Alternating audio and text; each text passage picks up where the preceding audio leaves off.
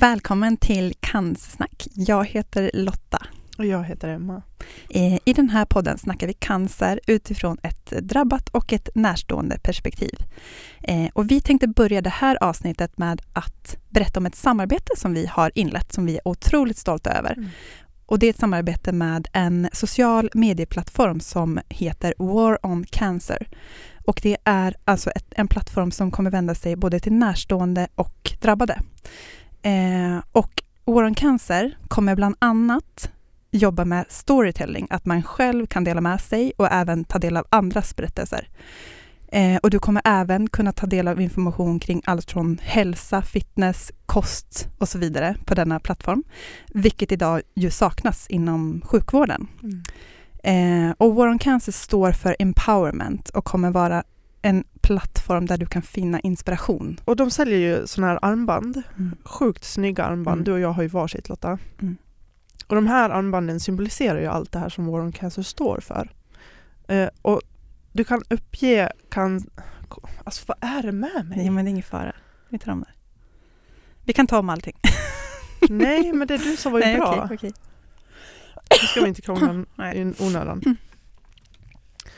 War on Cancer säljer ju också sådana här armband eh, som också symboliserar allt det, det här som de står för. Och om du uppger koden cancersnack i kassan så får du fri frakt. Eh, och du och jag har ju varsitt Lotta och de är ju otroligt snygga. Ja men de är sjukt snygga och de mm. står dessutom för allt det här. Eh, så att in där och köp ett armband och häng med oss i det här ja, ni också. stötta. Mm. Eh, jag skulle vilja säga det också att intäkterna för armbanden går till att utveckla den här plattformen. Mm. Så det är otroligt viktigt, för den, den kom, behövs. Den kommer vara sjukt viktig. Mm. Eh, vi kör igång med dagens avsnitt. Det gör vi.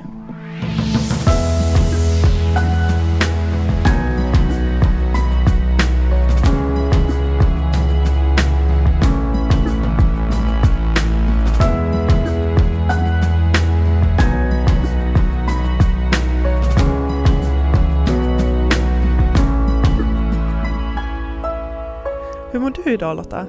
Eh, jo men jag mår helt okej. Okay. Jag har ju varit förkyld i två veckor mm. som man har hört i podden. Jag har suttit och hostat och varit täppt och verkligen eh, varit dunderförkyld. Eh, men det har ju äntligen lagt sig så det är jätteskönt. Men mm. ja, det har ju, vi har ju bytts lite där. Nu är det din tur Emma. Ja, ja, nu är det jag som sitter här och låter som en mupp istället. Jag kan hoppas att ni har överseende med, med det. Mm. Ja men äntligen så, har vi, så kan vi ses för vi har varit mm. tvungna att ställa in eh, ett par gånger nu som vi skulle ha spelat in mm. på grund av att du har varit så förkyld.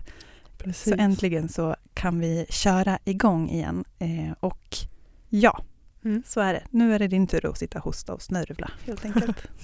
Ska försöka sköta mig. Precis. Ja, men idag tänkte vi prata lite grann om några olika punkter.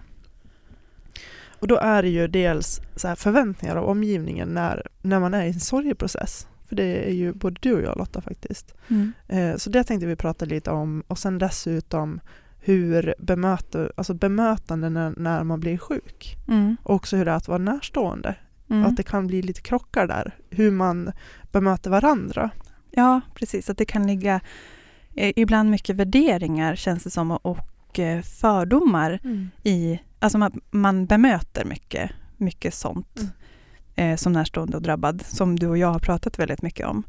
Eh, och, eh, och även det här, vi är ju väldigt öppna med att prata kring mm. våra situationer och vi, det har ju gett oss otroligt mycket att eh, dela med oss, både för att bearbetningen för oss själva, jag menar vi har skrivit båda två eh, en personlig dagbok, typ blogg. Eh, och det har gett oss väldigt mycket och vi vet att det har gett många andra också för att man känner sig mindre ensam när man läser de andra. Och sen även när vi gör det här, det är klart att det hjälper oss mycket mm. också att få bearbeta. Det är, det är ju så det är såklart. Eh, men det finns ju också så att det är inte alla som, som vill dela med sig så som vi gör.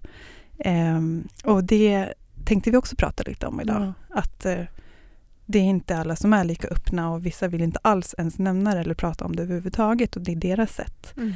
Och att inget sätt är fel sätt såklart. Vi tänkte väl diskutera de här sakerna lite mm. grann just för att det kan ju bli eh, vissa som vill prata om det och vissa som inte vill prata om det, där kan Mm. det bli en krock. Mm. Och det här tänkte vi, vi prata lite om idag helt Ja, enkelt. precis. De här delarna. Ja, och eh, det här med förvänt eller förväntningar, liksom, att man, för det kan jag känna mycket nu när jag lever i en sorg, att det ligger liksom mycket förväntningar i hur jag, hur jag ska vara.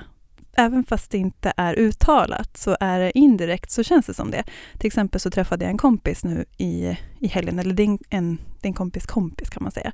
Vi är inte jättenära varandra. Och hon har varit otroligt fin när min man gick bort. Vi hade säkert inte hörts eller setts på ett år och direkt när han hade gått bort så jag tror hon ringde mig fyra gånger på en dag. Hon skickade massa sms och hon visade att hon fanns där och hon blev liksom inte sur för jag orkade inte svara. Eh, och hon brydde sig inte om det överhuvudtaget och det var otroligt fint tycker jag. Eh, det var precis det som man behövde eh, och ja, men, en väldigt fin Nå- någon som är lite ihärdig och inte Mm. ger upp och- och slutar höra av sig bara för att du inte svarar. Nej men och även fast inte vi var nära så visar Ja. hon att alltså, hon bryr sig, hon, hon ser det här, hon ser mig och hon hör av sig och hon vågar göra det. Det var jättefint av henne. Och sen när jag träffade henne nu i, i helgen så, så, eh, så frågade hon såklart hur jag mår.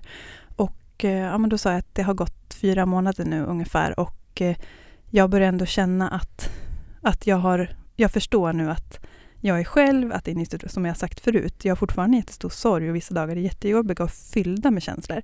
Medan nästa dag kan vara att jag är otroligt lycklig över livet och bara känner att jag har fått chansen att leva, jag ska ta den. Min man Elias fick inte den, men jag tänker passa på för jag vet att han skulle aldrig velat något annat. Eh, och då sa hon att ja, jag förstår att du har, att du känner, att du tänker så, jag förstår, men jag skulle nog inte göra det efter fyra månader, utan jag skulle nog vara längre ner under ytan tror jag. Jag tror inte att jag skulle klarat det och vara lika stark som du är. Och indirekt så känns det som att, jaha, nej, gör jag fel? Gör jag fel i min sorgprocess? Eller eh, gör jag, är jag jättekonstig som känner att jag tar tillvara på livet redan nu och känner att jag ändå kan ha lyckliga stunder? Är jag, jätte, är jag liksom helt är det inte så man ska vara nu? Alltså det, det blir indirekt som att hon lägger en värdering i, i min process. Mm. Ehm, och eh, jag tror att många kan känna igen sig i när de har förlorat någon kanske. I alla fall känner jag så att jag visst det har gått fyra månader. Mm. Men för mig har det inte gått fyra månader. För mig har det gått tre år och fyra månader. För att redan från dag ett så visste vi att det här var en jätteallvarlig prognos. Eh, jag, vi visste att, jag visste, jag är sjuksköterska, jag visste från dag ett att det här kommer inte gå. Jag kommer att förlora min man. Har du tänkt så från början?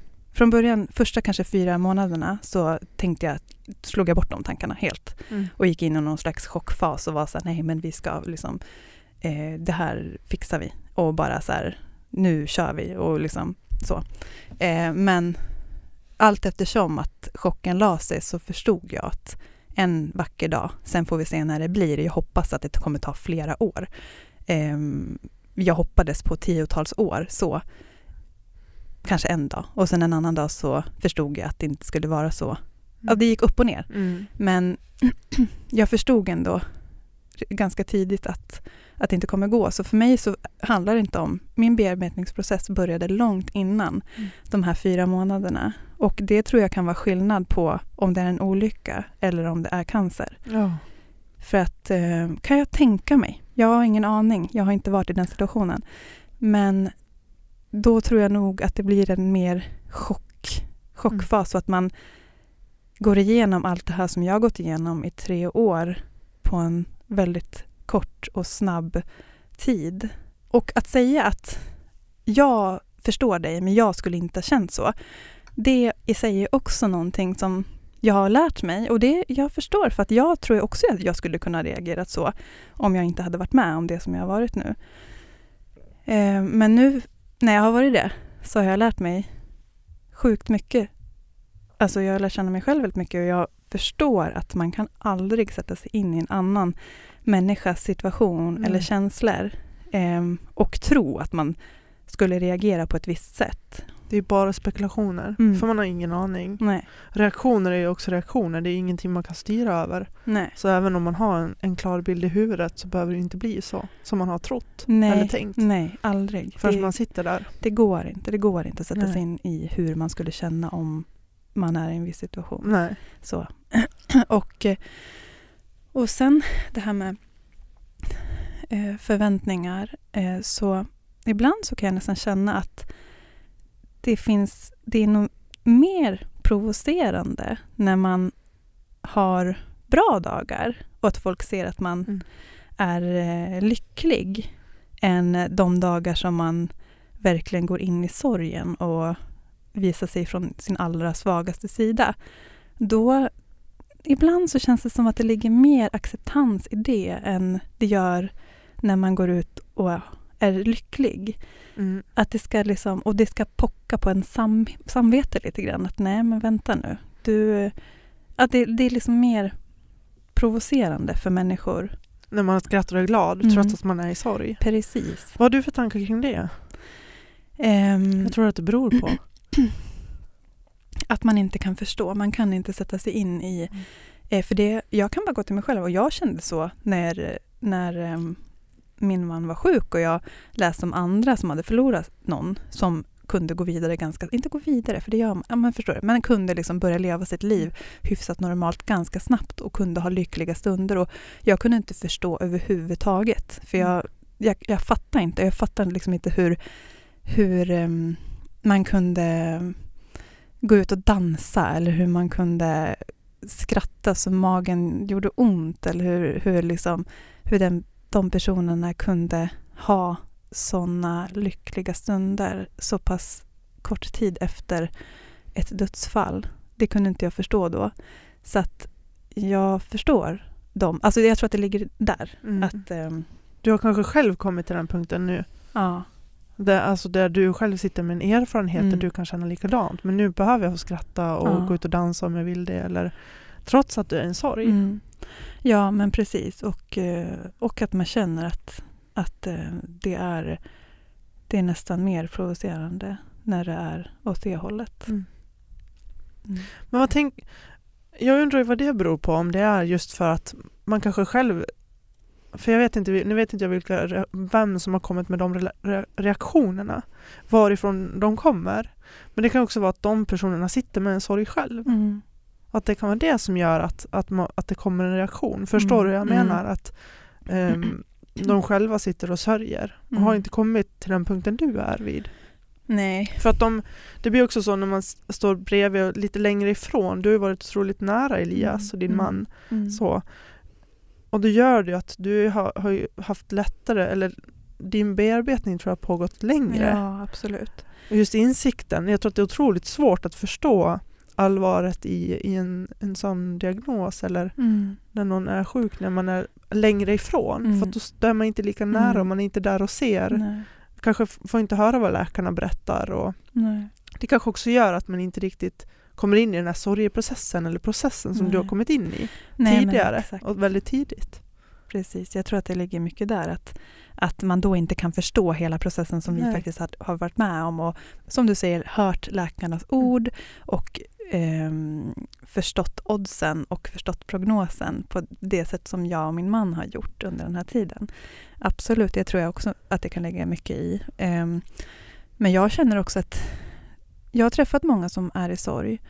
Eh, och det är så viktigt också att man inte fastnar i i sorgen. Eh, och det är så svårt det här med sorg, men sorg kommer man känna hela livet. Jag kommer ha sorg hela mitt liv. Eh, men det är viktigt att man tar tillvara på sitt eget liv och att man inte fastnar i eh, mönster som inte är bra för en och att man undviker saker. Ehm, att, man, att man försöker tänka att sin närstående som har gått bort faktiskt gärna vill kika ner Mm. och se att ja, men de är lyckliga och de, de, gör, de lever sitt liv nu och de, de eh, mår bra. Eh, för att det går ju inte att ändra på situationen som Nej. är. Det går inte. Precis. Hur hanterar du din, eh, din... Alltså, du, jag vet att du också kan... Du kan nästan tvärtom har vi pratat om att du möts av fördomar att ja men Emma, borsta bort det där mm. skräpet nu och res på dig streck på ryggen och ut och lev ditt liv. Vad väntar du på? Att du nästan kan få de reaktionerna? Ja, det är väl lite grann också som du är inne på det att det, det känns som att det finns runt omkring mig så finns det underliggande eller så här, outtalade förväntningar eller um, reaktioner eller sådär. Det är inget någon säger rätt ut men man kan känna det. Och där kan jag känna, ja men som du säger, tvärtom, tvärtom på ett sätt att min operation har gått bra och jag har behövt bearbeta allting som jag har gått igenom för det har varit det är också för svårt för någon annan att förstå om man inte har gått igenom det själv. Det går inte med sådana här saker, man kan inte förstå det. Eh, och där har väl jag känt ibland att jag har fått reaktioner att, men, som du säger, borsta. Ah, operationen gick ju bra, gå vidare, lev nu. Du, du kan ju leva nu, du sitter mm. inte i rullstol och mm. sådana saker. Mm. Men för mig som sitter med de fysiska besvär jag har och också diagnosen som ser ut som den gör, att jag inte blir av med det. Jag går ju ständigt runt och försöker leva mitt liv trots att jag är sjuk. Samtidigt som jag känner att det är någonting jag behöver få sörja och, gå och bearbeta verkligen. Och det har för mig tagit väldigt många år. Alltså jag är inne på mitt femte sjukdomsår och jag behöver fortfarande prata om det. Mm. Just för att det är nu har det också blivit många moment där det, de här riskerna med förlamning och bara åtgärder för att gå in och göra något åt när tumören växer. Det gör att processen börjar om. Det blir mm. hela tiden som små kriser. Det mm. går aldrig riktigt över utan det kommer hela tiden någonting nytt som gör att jag måste börja bearbeta det igen. Och också när åren går, man blir äldre och mm.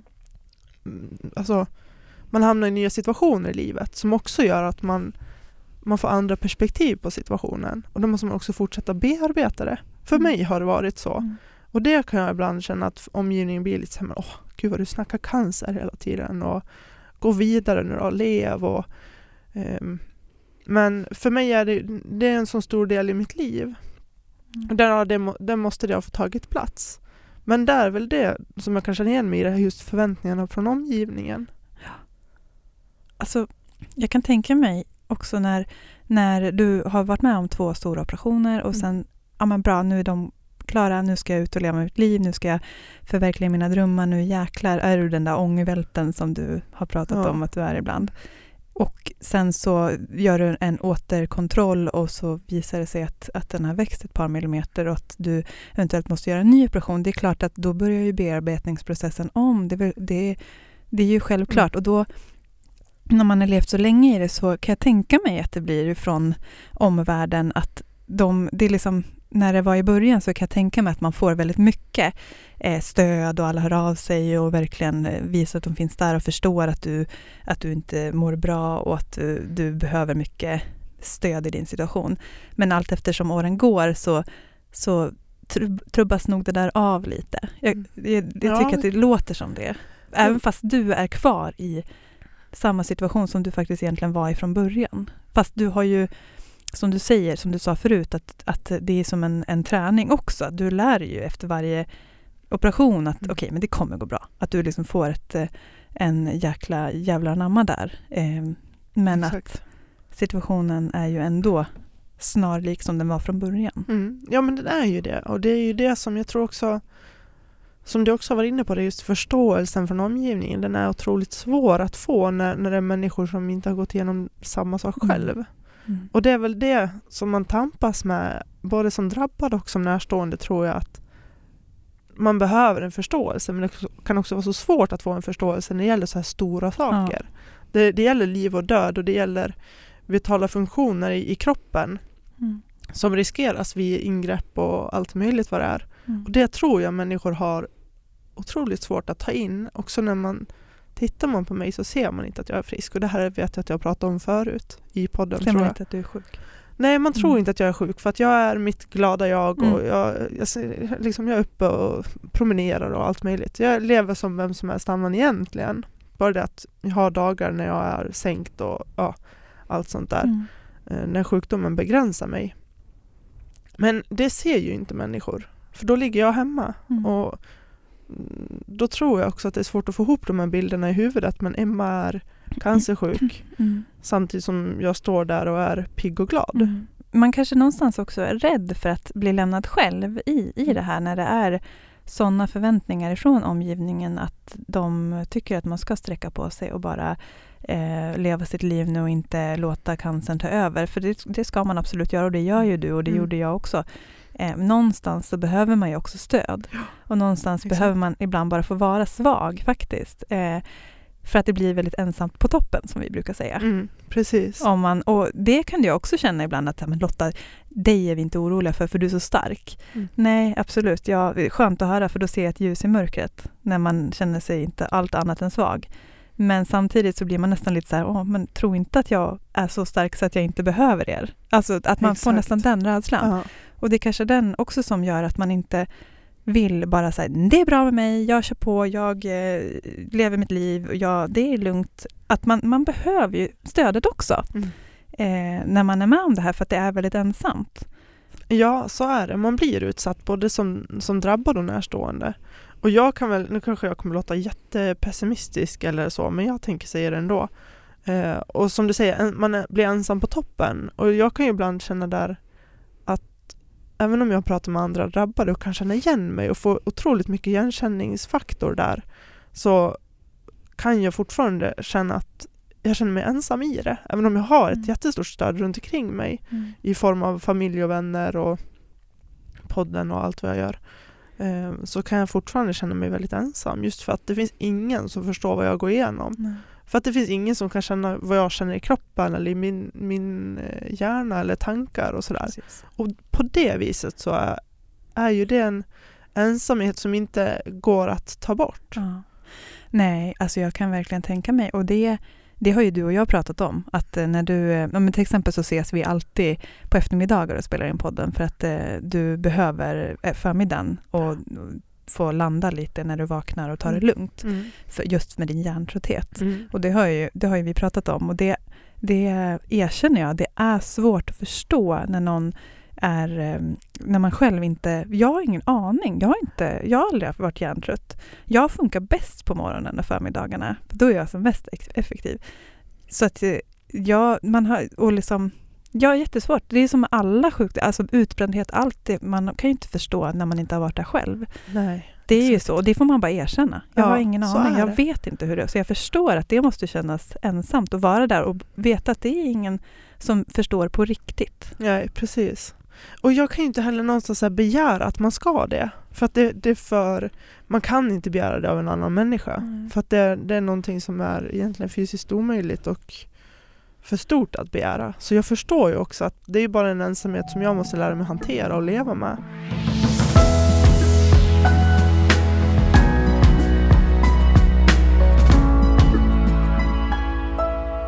Men jag tänker också på det här att vi, vi, som du var inne också på det här att vi fungerar väldigt olika. Vissa vill prata om det, andra vill inte prata om det och det där kan ju krocka något enormt. Mm.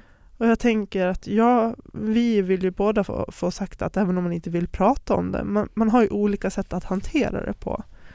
Och även om man inte vill sitta i en podd och prata om det eller skriva en blogg eller eh, vad, man kanske vill prata med, med, det, med, någon, med sin partner eller sin förälder eller vem det nu än kan vara.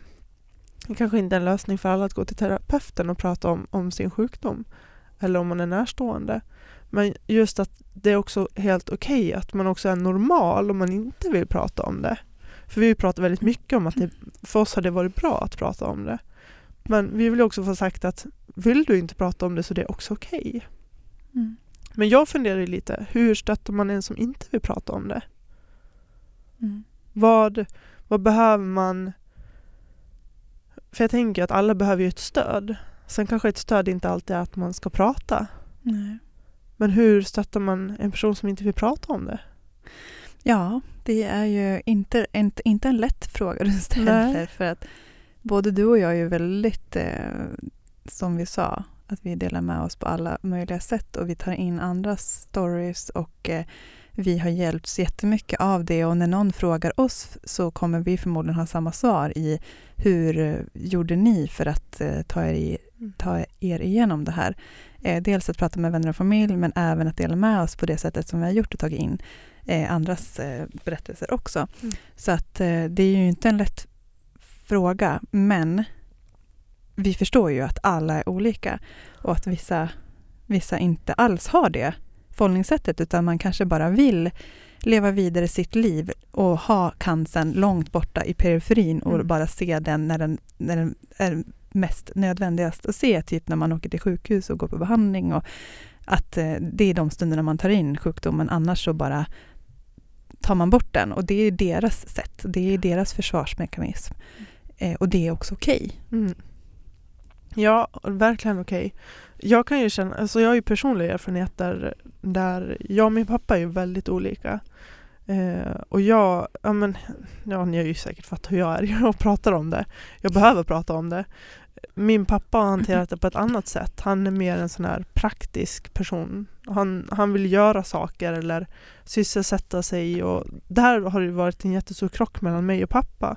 Just att han jag kände att jag behövde få prata om, om det även på om vi satt på familjemiddagar eller om jag fick frågan om hur jag mådde eller så och jag svarade ärligt hur jag mådde så kände jag inte att jag blev hörd i det.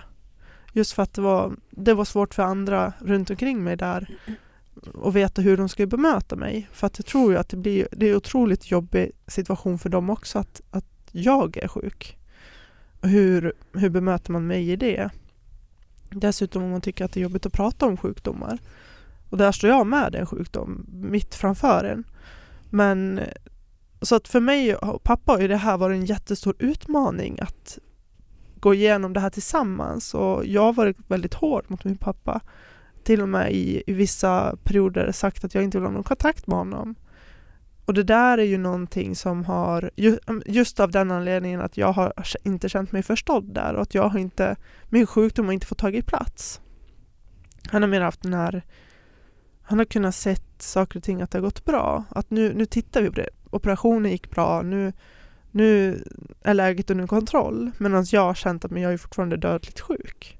Nej men alltså pappa har ju varit mer praktisk och han, är väl, han har ju en tendens att sticka huvudet i sanden när det gäller jobbiga saker. Det här har han och jag pratat om också att, att eh, nu ser situationen ut så här och det här går inte att blunda för. Men där har vi ändå krockat och haft svårt att hitta till varandra och just därför så, så sa jag upp kontakt med, kontakten med honom, eller jag sa att jag inte vill ha kontakt med honom under ett tag just för att jag behövde landa i allt jag hade gått igenom och jag tror att han behövde landa också. Och för pappa blev det att han, han kände att hur han än gjorde så gjorde han fel. Och hur jag, jag kände att hur jag än gjorde så, så blev jag inte hörd. Och där hade ju vi otroligt olika behov. Och vi visste inte hur vi skulle mötas i det här. Så det blev ju en jättestor eh, svårighet i vår relation. Den funkade inte un, under flera månader. Just för att vi hanterade det så olika och vi visste inte hur vi skulle möta varandra. Så det blev liksom att vi mm. typ stångades och krockades mm. istället för att, men mitt sätt är rätt sätt. Mm. Både han och jag tänkte så. Behovet tog helt enkelt över. Mm. Ens eget behov tog mm. över istället för att vara förstående mot varandra. Och det kanske är svårt att vara det när man är i en sån situation som ni båda var i. Hans dotter hade precis fått en hjärntumör och precis. du har precis drabbats ni kanske levde då i en värld där det inte gick att ta in andras känslor så och då när det blev en så pass stor krock till en sån person som betyder väldigt mycket för dig, eh, då var det nog, då kan jag tänka mig att, att det är svårt att bara, äh, men nu koppla bort det jag känner, jag måste känna in här och vad alla andra har för sätt att hantera det här och förstå att det är okej. Okay. Alltså mm, jag förstår exakt. att då, det fanns inte plats för det just då. Det är väl där sätter du väl huvudet på spiken verkligen, att det fanns inte plats för det. För det är väl också någonstans att man själv måste överleva och då måste man göra det på sitt sätt. Och då kan det bli väldigt, det är väldigt vanligt att relationer, när man får cancer eller en, rela, en relation till cancer, om man är närstående till exempel då, så påverkas relationerna i det. Mm. Det är ju egentligen ingenting kon konstigt Nej. men vi hanterar det så mm. olika och i mm. det här kan det vara så otroligt svårt att mötas. Mm.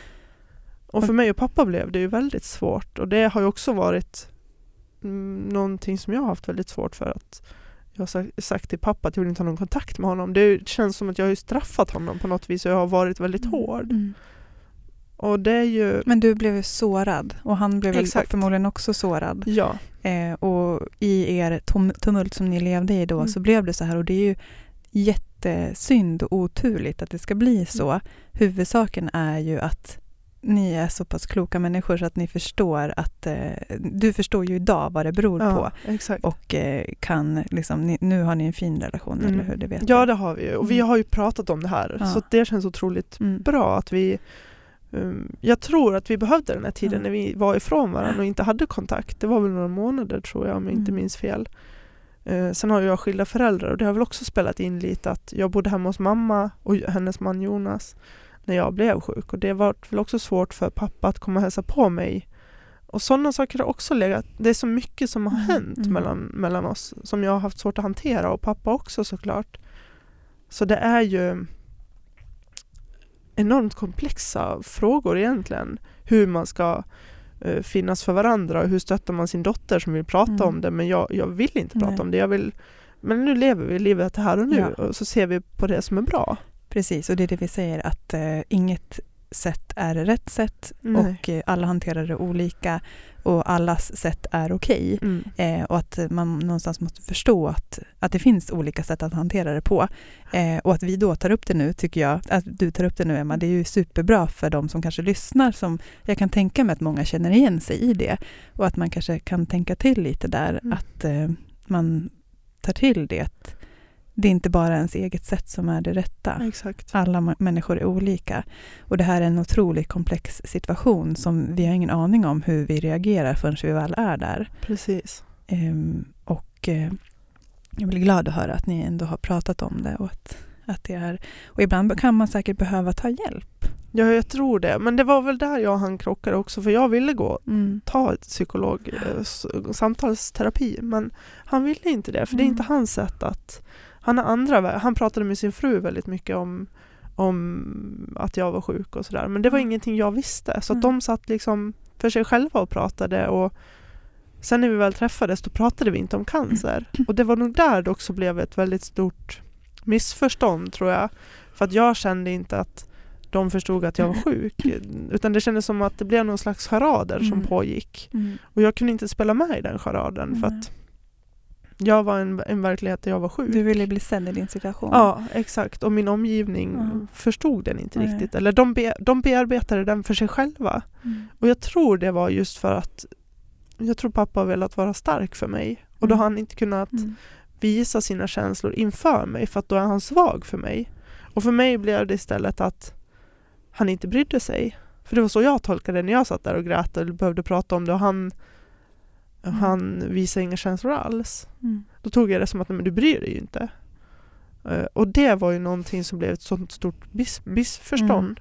Och det där känns ju som att det är det klassiska. Att Ja. man vill hålla ihop för sin nära familjemedlem som har drabbats av Ja. cancer. Att man vill vara stark och man tror att det är det sättet som man är stark genom att inte visa någonting och låtsas som att det regnar och bara vilja leva på som vanligt. Eh, och han kanske trodde att det var det du behövde. Du, du behöver bara det normala livet så att vi inte gör någon stor grej av det här. Det ska inte behöva påverka hennes liv för mycket.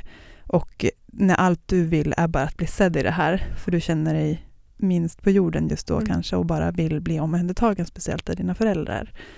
Ehm, så det är ju, det är ju missförstånd rakt igenom. Det är ju det. Ehm, och sen tänker jag också, alltså just i allmänhet kring bemötande när man går igenom något sånt här. Eh, jag tror att alla vill bli sedda i sin situation där man är. Mm. Eh, sen är alla olika, det vet jag. Och att vissa kanske bara inte vill ens få en kram utan bara, bara fråga, en fråga hur, hur man mår eller när, när det har varit något jobbigt. Eh, och medan andra behöver mer. De vill gärna ha många frågor och en stor varm lång kram och så. Alla är olika men jag tror någonstans att alla ändå vill bli sedda i det. Ja, jag tror också det. Att, man behöver, att alla vill bli sedda i sin situation och alla behöver ett stöd. Mm. Det tror jag. Men sen att det ser olika Ja, ut. ja. Hur det där, vad det där stödet är. Ja. Att bli utdragen på en promenad eller att Precis. gå till sin terapeut eller Mm. uh, umgås med sina vänner eller uh, träna. Kan, det kan ju vara Mm. allt. Men vårt råd är väl att säg någonting. Ja, och jag tänker också det att prata med varandra. Mm. Det, Eh, speciellt också om, om man hamnar i en sån situation som jag och pappa gjorde. Så, så får du sådana ringar på vattnet för det påverkar alla.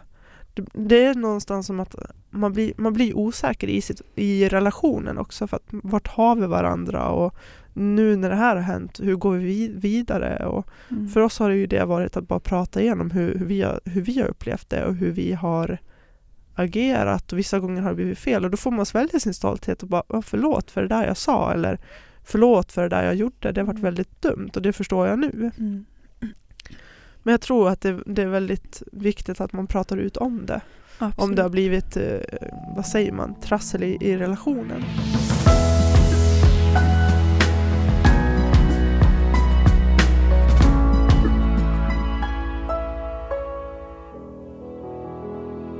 Men ska vi sammanfatta det vi har pratat om? Ja, men det tycker jag. Prata med varandra.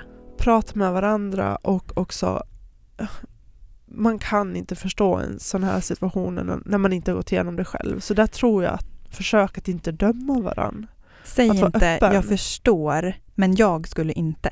Ja, exakt. Utan Strunta i vad du skulle eller inte skulle. jag skulle nog ha reagerat så här eller jag skulle nog ha varit så här. Försök inte sätta dig in i den situationen som din vän eller familjemedlem är i. För du kan inte förstå.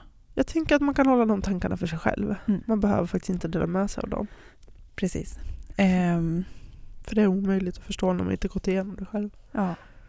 Och allas sätt att hantera det på, om det är så att dela med sig som vi gör väldigt mycket eller om det är att eh, stoppa huvudet i sanden och inte tänka cancer utan fokusera på andra saker. Alla sätt är okej, Mm. men kom ihåg att prata med varandra så att det inte blir missförstånd. Ja, jag tror det är superviktigt. För att det, det är olyckligt när det blir det. Det är så dumt och onödigt. Man kan stötta Mm. varandra istället. Mm. Men att man kan prata om hur man kan finnas för varandra. Då tänkte vi bara avsluta med att ge ett tips på en Netflix-dokumentär, eller den finns på Netflix. Eh, och det är en dokumentär som heter Be Here Now. Och eh, det är ju skådespelaren... Andy Whitfield. Eh, han är en, nu ska vi se om jag säger rätt, född i Storbritannien men bo, bodde i Australien tror jag. Mest känd för sin roll i serien, tv-serien som heter eh, Spartacus. Spartacus. Ja, Mm. precis. Eh, det, är en, det är en väldigt stark dokumentär där man får följa han när han får non-Hodgkins lymfom. Han är väl runt 38-39 när han Mm. får diagnosen. Va? Eh, och eh, man får helt enkelt följa hans liv ifrån han blev diagnostiserad till, till ja, men hela, hela resan. Mm. Eh, den är väldigt stark och den är, eh, den är väldigt fin också. Ja, väldigt fin och jag tänker att det var man får ju även följa dels följa hans tankar och hur, hur resan har varit för honom men Mm. även hans fru. Mm, eh, Hur, hon, hur det har varit för henne att stå bredvid. mm, Så att det, jag tycker den var en väldigt bra dokumentär på så vis att det lyfter båda sidorna. mm, Och hur, hur, de, mm. ja, hur, de, hur det har varit för dem helt enkelt. Hur de har tänkt. man, man blir väldigt inspirerad av den här dokumentären och eh, jag tycker att den säger väldigt mycket om det här att man förstår inte hur stark man är förrän styrka är det enda alternativet man har. Eh, och att man tar sig igenom eh, varenda jäkla knivig situation som man än ges, tillges i livet. Eh, och vi diskuterade lite när vi var på väg hit om hur du och jag, både du och jag känner igen oss i, du känner igen dig väldigt mycket i honom och jag känner igen mig i henne och jag känner igen mig just i henne, just det här med att i början var hon väldigt, väldigt eh, nedbruten och hon klarade inte av någonting. Hon var bara så här, hon såg framtiden, hur ska det bli, hur ska det bli, kommer jag bli själv med mina barn? Och hur katastroftankar. Eh, för att senare i dokumentären se när hon bara får en så här inre styrka och förstår att hon måste leva dag för dag och ta tillvara på det liv som är, pågår just nu.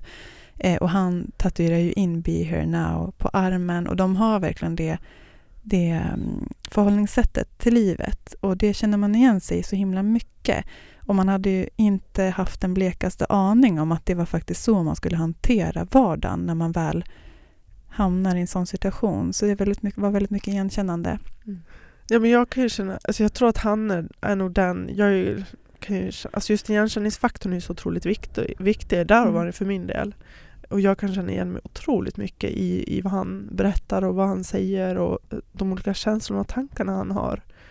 Och jag har ju tänkt mycket på döden och Mm. liksom så hur man vet att man lever med en allvarlig sjukdom. Mm. Och han säger ju någonstans så här att när han, när han liksom när man bearbetar sin, sin cancer och förstår att men ja, det, det kanske inte, jag kanske inte kommer bli 80 år eller något sånt där. Eh, Jag kommer inte exakt ihåg vad det är han säger men just den här, alltså han fick en lättnad, en slags Mm. lättnad och den kan jag också känna när jag tänker på döden eller eh, att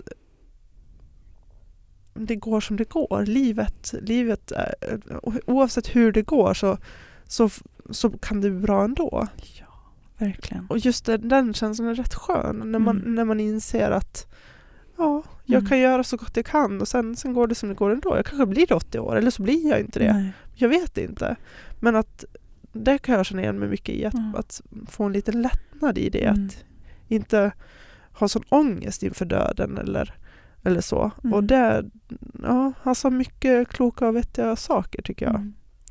Åh gud, jag bara ryser nu för att Ja. det där är så himla... Ja, de orden som du precis sa och är så himla sanna. Mm. Livet går in och, och tar över och pågår. Och när man kommer till den insikten som de gör i den här dokumentären så är det väldigt fint och inspirerande. Mm. Och, ehm, ja, man, man märker just den här maktlösa känslan som de grips av panik av först i Ja. dokumentären. blir väldigt påtaglig i början för att sen utvecklas till någonting som bara så här let's go with the flow liksom och låta livet pågå och se, se ljuset i de allra mest minsta stunderna och, Mm. och vardagen och tiden med varann och, och känna den genuina lyckan ändå. Ja, Mm, fint. otroligt fint Mm. och, och, och väldigt viktigt tror jag. Se den. Be Ja. Mm. here now på Netflix.